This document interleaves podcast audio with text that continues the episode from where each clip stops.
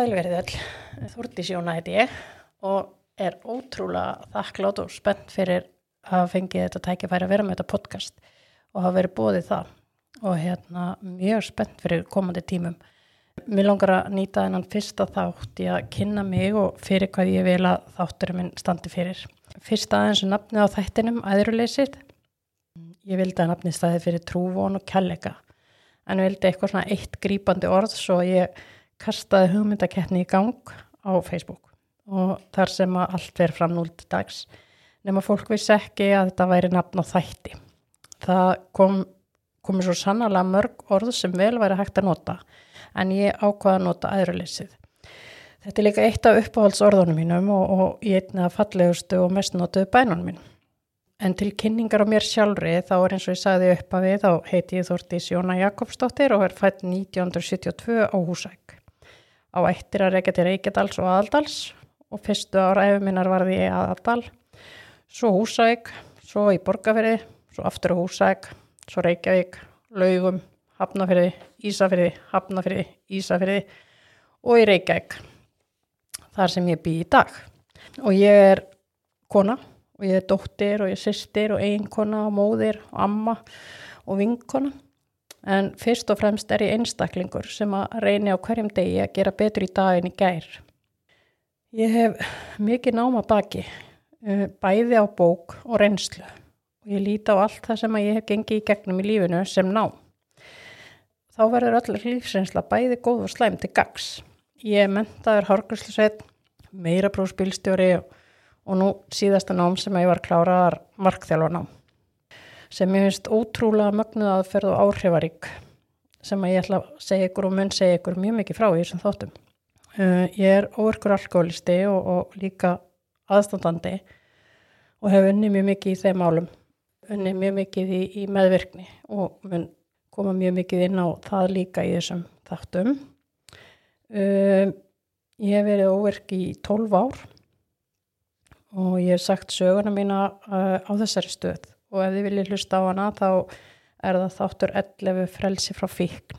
Annars mun hún örglega að einhver leiti flettast inn í þættina mína. Ég hef óbílandi áhuga og trú á öllu sem við kemur manninum og vilja til betrunar. Og ég trúi því að það sé alltaf hægt að finna lausnir. Sama hverju við stöndum fram með fyrir ég veit að hún er ekki alltaf beint fyrir fram á nokkur Stundum þarf að vinna og leita mikið en ég trúi því að það sé leið og ég hvet þig í fyrsta lagi að tala við einhvern ef að eitthvað er, vinn, fóreldra, sískinni, fagaðila, prest eða, eða bara 17-17. Það er líka hérna ofin lína sem er gott að nýta. Öðru lagi að hérna gefa sjálfuður það tækifæri að leita eftir þeirri hjálp sem, við, sem þú þart. Allt er svo óyfirstígalegt einn en með öðrum fáum við kraft og frá þessu sögðu þá langar mig að tala um trú því hún hefur alveg þvælst fyrir mér. Og ég upphafi edrugöngum minn að setja hana fyrir mig alveg þannig til ég hitti mann sem saði við mig og ég ætla að vitna í hann. Það er bara ok Þortís þú þart ekki að trúa einhvern guð á himni ef þú vilt það ekki. En að hafa trú á æðri mætti getur verið hvað sem er. Þessi hópur til dæmis að hann getur verið þinn æðri máttur. Því að margir hugar eru meiri neitt og þá gati farið að hlus, hugsa hlutina öðruísi. Ég trúiði að ég krafti fjölda og þá er ég alveg að tala um að tveir séu fjöldi, tveir meiri fjöldin einn, að ég krafti fjölda komi kraftur sem að, að hérna, hægt er að nýta öðruísi heldur en að meðan að maður er með verkefnin sem við höfum í höfðinu einn og í krafti samtals komi betri lausnir heldur en að þeirra verum bara með það í höfðinu. Það þarf engin að hafa einhverja sérstakka trú til að tengja við hennar þáttvonandi, það, það verður talað um trú í, í einhverju myndali pottjett. Ég hyggst til dæmis til einhver þátt aðruleysspæninni, hvernig ég nota hana og hvernig hún getur verið útfærð um, og ég mun fá viðmælandur í þann þátt og, og heyra þeirra sína á hana og slíkt. Ég trúi því og, og, og tristi því að það sé hægt að nýta aðruleysspænina þó að maður hafi ekki sérstakka trú á Guði.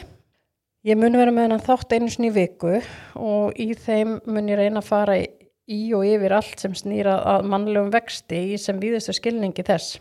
Ég mun fá ótrúlega spennandi og áhugaverða gesti í tengslum við það. Ég mun leitast við að sinna forvörnum og sjálfstyrkingu eftir fremsta megni.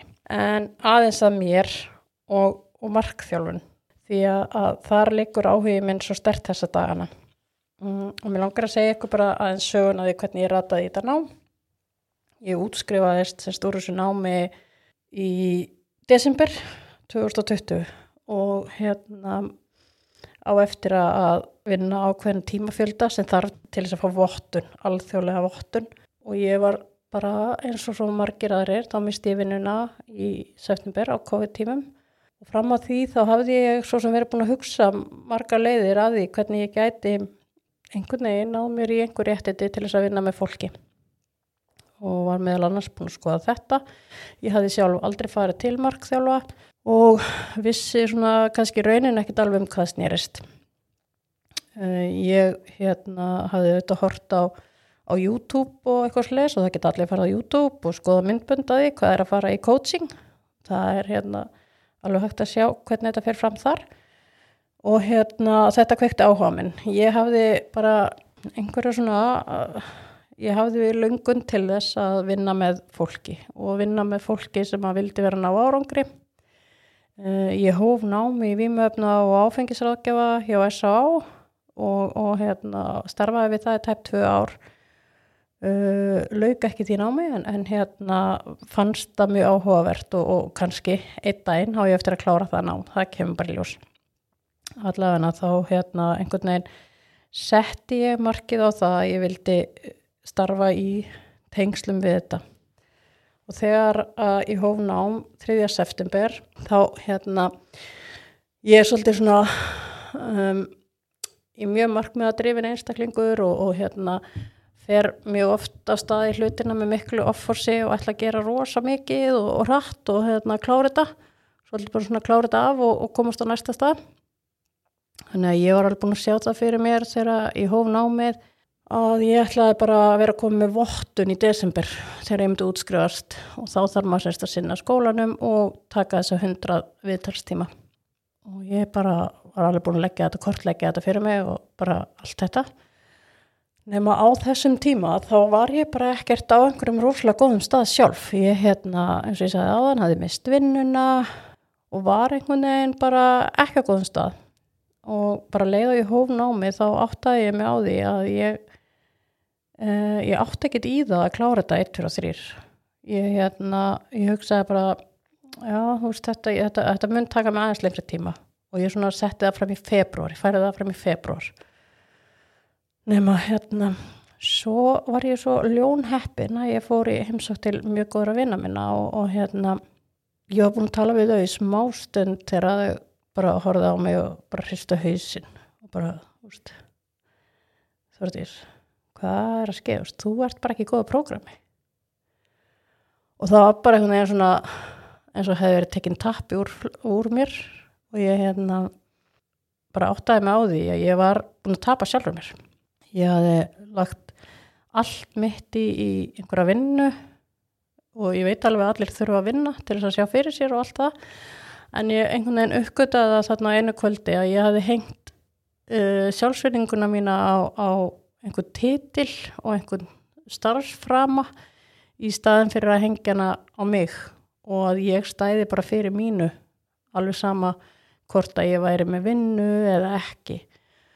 Ég hafði glemt að sinna mér og ég held að það sé bara eitthvað sem að gerist mjög oft fyrir okkur og við hérna á lífsleðinni, alveg sama hvar við erum stött á lífsleðinni þá hérna gerist þetta oft að við gleymum okkur og hérna hvort sem að það er að við erum á fullu að klára mentarskólan eða á fullu í, á framabraut á vinnustad eða, eða með lítil börn og, og fulla keislu þar og Þannig að hérna, þessi heimsókn var bara rosalega áhrifarík til góðs í mínu lífi.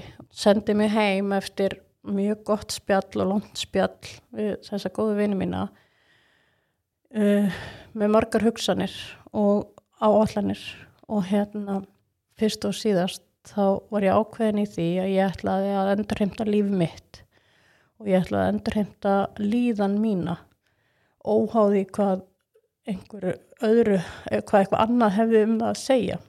Og hérna uh, fór bara setti mér plan og hérna hafði reyndar gert það með þeim þessum vinnum mínum hann að kvöldin áður að ég ætlaði að fara að sækja fundina mína aftur á fullu og hérna, eða ekki fundina mína aftur, ég ætlaði að finna mér fundi og hérna og, og sækja fundi af fullum krafti. Ég ætlaði að fara að taka ábyrð á hreyfingunum minni og, og hérna og ég ætlaði að, geta hengt sjálfsveðinguna mína á mig og mínar görðir, ekki á einhverja titla eða, eða eitthvað sem að væri aðkift þýttið að hérna hengja sjálfsveðinguna mína á það eiga fallegan bíl eða flottan bíl, flott hús, flott börn eða hvað sem er. Allt er þetta hlutir sem maður getur vissulega verið stoltur af. Ef ég er í þeirri stöðu og ég get kæft með fallegan bíl eða ég á vel upp alveg börn og falleg börn og góð þá er auðvitað það hlutir til að vera stoltur af. En það getur aldrei verið sjálfsverðingi mín. Þú veist sjálfsverðingi mín verður að hanga á því hver ég er og hvað ég er að gera. Fyrir mig er það þannig. Og um leið og þetta ásist að þá óttaði ég mig á því að ég væri ef ég myndi taka námið mitt svona eins og ég var búin að leggja það upp fyrir mig þá myndi ég missa þessu ferðarlegi og það að vera í markþjálfun er svo sannlega að vera í ferðalagi. Bæði hvort sem að maður er bara sem skjólstæðingur eða það sem við köllum marksækjandi eða hvort maður er í þessu námi. Og ég hérna hvet alla til þess að skoða þetta nám, þetta er áhugavert. Hvort sem að maður hyggst að vinna við þetta eða bara fyrir sjálf á sig.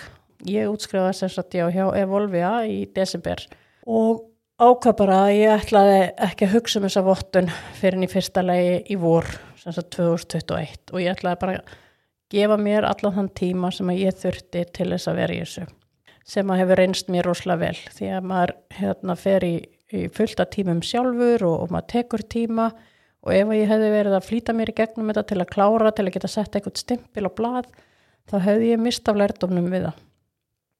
Og í hverju einasta viðtali læri maður, bæði sem marksækjandi og markþjálfi. Þannig að ég er rosalega þakklátt fyrir að hafa gefið mér leifi til þess að breyta um skoðun. Og, hérna, og það er alveg líka þroski sem að ég þurfti að taka út. Það var að gefa sér leiði til þess að breyta um skoðun það sem að mér finnst svo áhugavert við markþjálfun og, og hérna, það sem mér langar að koma til skila til ykkar í gegnum þess að þætti meðal annars og ég mun fá bæði reynda og nýja markþjálfa til þess að koma og spjalla af mig. Ég mun líka fá fólk sem hefur farið í mark sem marksækjandi til okkar og, og hérna, til þess að spjalla um bara hvað, hvað þetta hefur gefið þeim En markþjálfin fyrir mig er bara áhrifarík rík leið til þess að skoða sjálfan sig. Áhrifarík aðferð til þess að horfa inn á við og skoða hvað maður raunverulega vil sjálfur. Uh, margir halda sem að, hafa farið í markþjálfun eða, eða semst margir halda sem er að fara í markþjálfun að þeir sé að koma bara til þess að setja sér markmið og ná þeim. Þetta er svona aðeins flóknar en það því að við, ég held að, ég held að sé allir sem getur kinga kolli núna þegar ég segja við höfum öll skrifað niður markmið sem að hafa ekki átt neina innistæði hjá okkur. Þú veist, eitthvað sem við vissum að við ættum að vera að skrifa eitthvað sem við vissum að hljómaði vel á bladi eða hljómaði vel þegar við segðum einhverjum það en við höfum kannski ekkit endilega ígrundað vel hvort þetta væri eitthvað sem við raunverulega vildum. Þannig að um það snýst svolítið markþjálfun að maður finni út raunverulega hvaða er sem mann er langar að gera í lífinu. Um, maður þarf ekki að eins og margir sem að koma til manns þeir segja já ég, að því að þegar við hefjum námið þá byrðum að fólkum að koma ég sem æfinga félagi til sín og svona og fólk er svona, já ég hef nú ekkert eitthvað sérstakt sko sem ég þarf að tala um, það er ekkert að hjá mér, svona, það þarf ekkert að vera að til þess að maður komi í markþjálfun. Maður getur bara bara vilja að venja sig á það að búum rúmið sitt. Það þarf ekkert að vera flóknar í það. Og þegar við förum að skoða út frá hverju, úst, af hverju byrðið ekki um rúmið þetta er langa til þess þá kemur kannski ofta upp bara mann langar ekki til þess maður bara hefur alltaf heyrt að maður ætti að gera það. Þannig að þetta er bara þetta er rosa áhrifarík og góð leið til þess. Megin markmiðið mitt er að ég hóf þetta nám og, og svona markhópurinn sem að ég hafi hugsað mér að, að ég vildi vinna með væri í mínum huga konur í bata frá fík og það er algjörlega ennþá hópur sem að ég hef mjög mikið áhuga að vinna með. Og ég hef mjög mikið áhuga á því að koma markþjálun meira inn í meðferðar úrræði Íslands. Eh, það er að mínu mati ekki að það, þar sem ég veit og hef þekkingu til þar finnst mér bara ekki nægilega mikið vægi gefið þessari hugmyndafræði að maður þarf að vita hvað maður vill og hvað maður vill fá út úr lífinu líka þannig að ég hefur ósa áhuga á því en hérna eftir að ég fór að taka þessa tíma mína og fá bara fólk á öllum stigum þjóðfélagsins og að þá verði ég alltaf svona opnar og opnari fyrir því að, og, og, og fæ svona meirið ástriðu fyrir því að vinna með bara öllum. Ég er búin að vinna með ungum strákum sem eru að hefja nám aftur eftir hlið og hafa oft í erfileikum. Ég er að vinna með konum sem eru að takast á við hérna, breytingarskeið. Ég er, takast, ég er að vinna með bara mönnum á, á hérna, hvað ég var að segja, þú er svona gráa fyringstímabilinu. Ég er að vinna með mæðurum, ég er að vinna með fólki á öllum stegum einhvern veginn og mér finnst það allt jafn áhugavert. Akkurat í dag er ég ekki með eitthvað svona sérsvið sem að ég einblýnir sérstaklega og ég vil bara einhvern veginn, ég bara sé það í þessum viðtölum sem ég er að eiga að þetta á allstar við. Það er allir sem geta nýtt sér þetta ná, eða nýtt sér þessa aðferð og mér finnst það ótrúlega áhugavert. Þannig að hérna, um, hefði, ef einhver hefði sagt mér að í janúar 2020 þegar þegar ég held náttúrulega árið 2020 er þið bara staðist á mesta ára á minni framabraut og var algjörlega sjálf hverfi í, í, í sjálfur mér í þeim hugsunum að árið 2020 myndi enda eins og endaði þá hefði ég náttúrulega bara aldrei trúa því og það er náttúrulega allir þeirri stöð eftir þetta ár, það hefði enginn trúaði hvernig þetta ár er því en á sama tíma og ég veit að mjög margir hafa glýmt við mjög mikla erfileika á þessu ári og, og hérna og algjörlega án þess að gera lítið úr því að bara fylsta samú með öllu fólki sem við þurfum að gangi gegnum miklu eruleika. Þá var árið 2020 kannski bara eitt af bestu árunum mínum til vakstar sem manneska og þess vegna er ég svo ótrúlega þakklátt fyrir þetta tækifæri sem ég er að fá núna með þessum podcastætti að hafa áhrif til góðs. Að því ég trúið í staðfarslega að allt sem að allt sem að maður uppsker eða áastar að hérna að með því að deila því að þá uppsker maður meira ef það er hægt að segja sem svo. Og ég trúi því að, að hérna og ég vona það að með þessum þætti að þá mun ég hafa komið því til skil og komið því frá mér. Og hérna það er já þannig að þessir þættir mínir munu innihalda mjög marga póla. Úst, ég, ég mun tala um, um fíkn og frelsi frá fíkn. Ég mun fá mjög áhugaverða einstaklinga til samtals um það málefni og það hvernig við beinum hvernig það fólk sér kannski tíma og orku okkar best varið í forvarnir. Ég hef líka gríðalega áhuga á því ég hef gríðalega áhuga á því hvernig við getum unnið að forvörnum á öllum sviðum, hvort sem að það er kakvart fíknefnum eða eineldi eða kynferðisbrotum eða hverju sem það er að hérna ég er mikið áhuga á öllu sem að við getum uh, stöðlað að sterkari einstaklingum og forvarnir hljóta að vera eitt liður af því. Ég mun líka tala um reyfingu og svona hilsutengda bæði forvarnir og, og styrkingar. Ég bara líka trú á því að, að hérna, þar fer að skipta, fer ekkert að skipta, það er bara nú þegar í dag eitt staðsta helsu fars vandamál sem að hérna, bara þjóðir heims glíma við, það er reyfingaleysi og, hérna, og offita. Og það er eitthvað sem við þurfum að takast á við. Og við tökumst ávið með breyttum og bættum vennjum og, og hérna og já þannig ég mun klárlega að fá mjög, eh, já ég mun fá mjög spennandi viðmælendur í þeim efnum. Andleg helsa, það er líka mjög áhugavert á tímum sem að við höfum aldrei talað meira um andlega helsu og, og hérna hvað, hvað getur við kallað það, það hefur aldrei verið viðu kendara samfélagslega að við þurfum að Mm, já, takast á við andlega helsu að þá höfum við aldrei verið verðstödd en núna. Og ég veit að svona kynnslóðin fyrir ofan mig og svona þeir svo kynnslóð talar mjög mikið um að að það sé búið auðmingja væða allt og endalist að tala um allar þessar tilfinningar og allt þetta og það skil ekki af sinni einu betra. Ég er klárlega ekki sammála því. Það, það mun skil okkur á betri stað en það er í vinslu og við þurfum að vinna með þetta og við þurfum að horfast í þetta og fyrsta skrefið er klárlega að tala um það. Og það að bara ungir kallmenn með að tala um tilfinningar það er náttúrulega kannski bara eitt að mínum að þetta eitt að staðist framfara skrefum bara sögunar að hérna að rugglar það að kallmenn með ekki tala um tilfinningar. Þeir hafa þeir alveg eins og aðrir. Þannig að hérna ég mun tala um það og ég mun taka á þeim púlsi.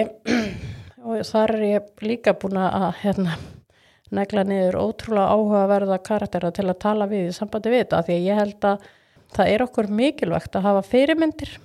Það er okkur mikilvægt að hafa fyrirmyndir sem er að gera góða hluti og það er mikilvægt að hafa fyrirmyndir sem að raun gera hlutina þannig að maður getur svona tengt sig við það. Veist, það er rosa auðvelt að vera með hérna einhverja það er rosa auðvelt fyrir mig að vera með Julie Roberts sem fyrirmynd en ég hef enga tengingu við hana þannig að ég get ekki svona algjörlega sett mig í hennar spór eða ímynda mér að ég sé hún.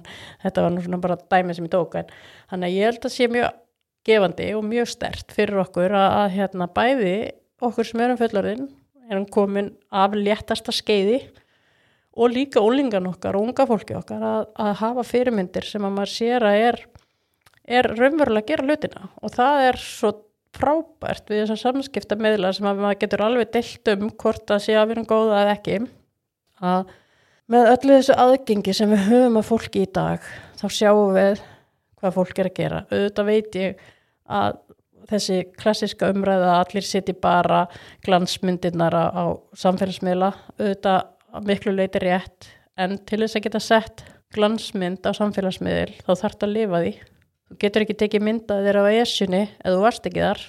Þannig að ég held að þetta sé ekki af, bara af hérna slæma og við þurfum bara að læra að nota þetta. Við þurfum að læra að nýta þessa tekni til þess okkur til gags þannig að já, ég mun hafa mjög spennandi fólki vitt að lesa og heyri, ég er mjög spennt fyrir því sjálf.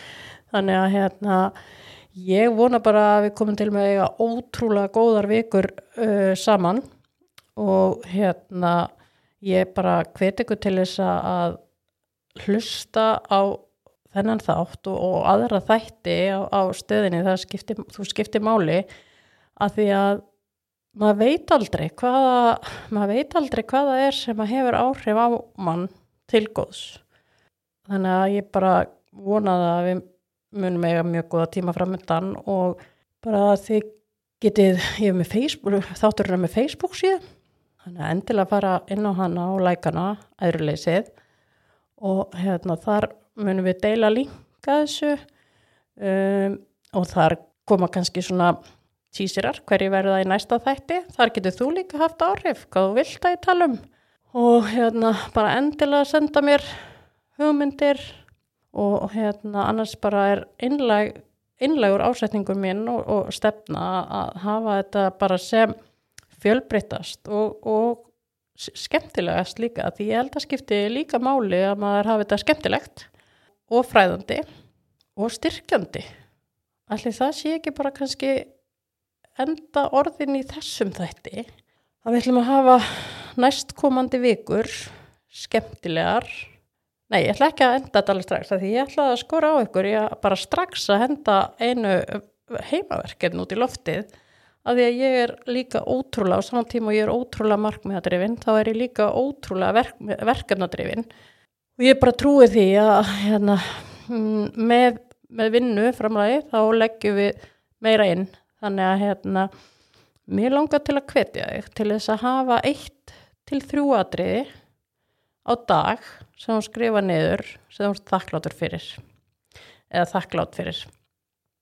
Eitt til þrjú atriði og ég mun ekkit byggjum að fá þetta sendt til yfirleistrar, þetta er bara fyrir þig sjálfan. Og, og, hérna, og kannski bara áskorunin fólkin í því að þú takir bara ákvörðun um það og ætlir að gefa sjálfuð tækifæri til vakstar núna, næstkomandi vikur með mér. Og þá er þetta fyrsta heimaverkefnið og það mun vera heimaverkefni í hverju viku. Þannig að hérna miskræfjandi þetta er ekki kræfjandi þetta hef ég ofur trú á að hérna færi manni mikinn vöxt og mikla gleði að ástunda þakklæti. Þannig að ég er að hugsa um að hafa þetta heimaverkefni þessa viku 1-3 atriða þakklæti og bara kveði ykkur með því að, ég ætla að lofa ykkur bara skemmtilegum, fræðandi og styrkjandi þætti fram á vor allavega. Takk fyrir mig.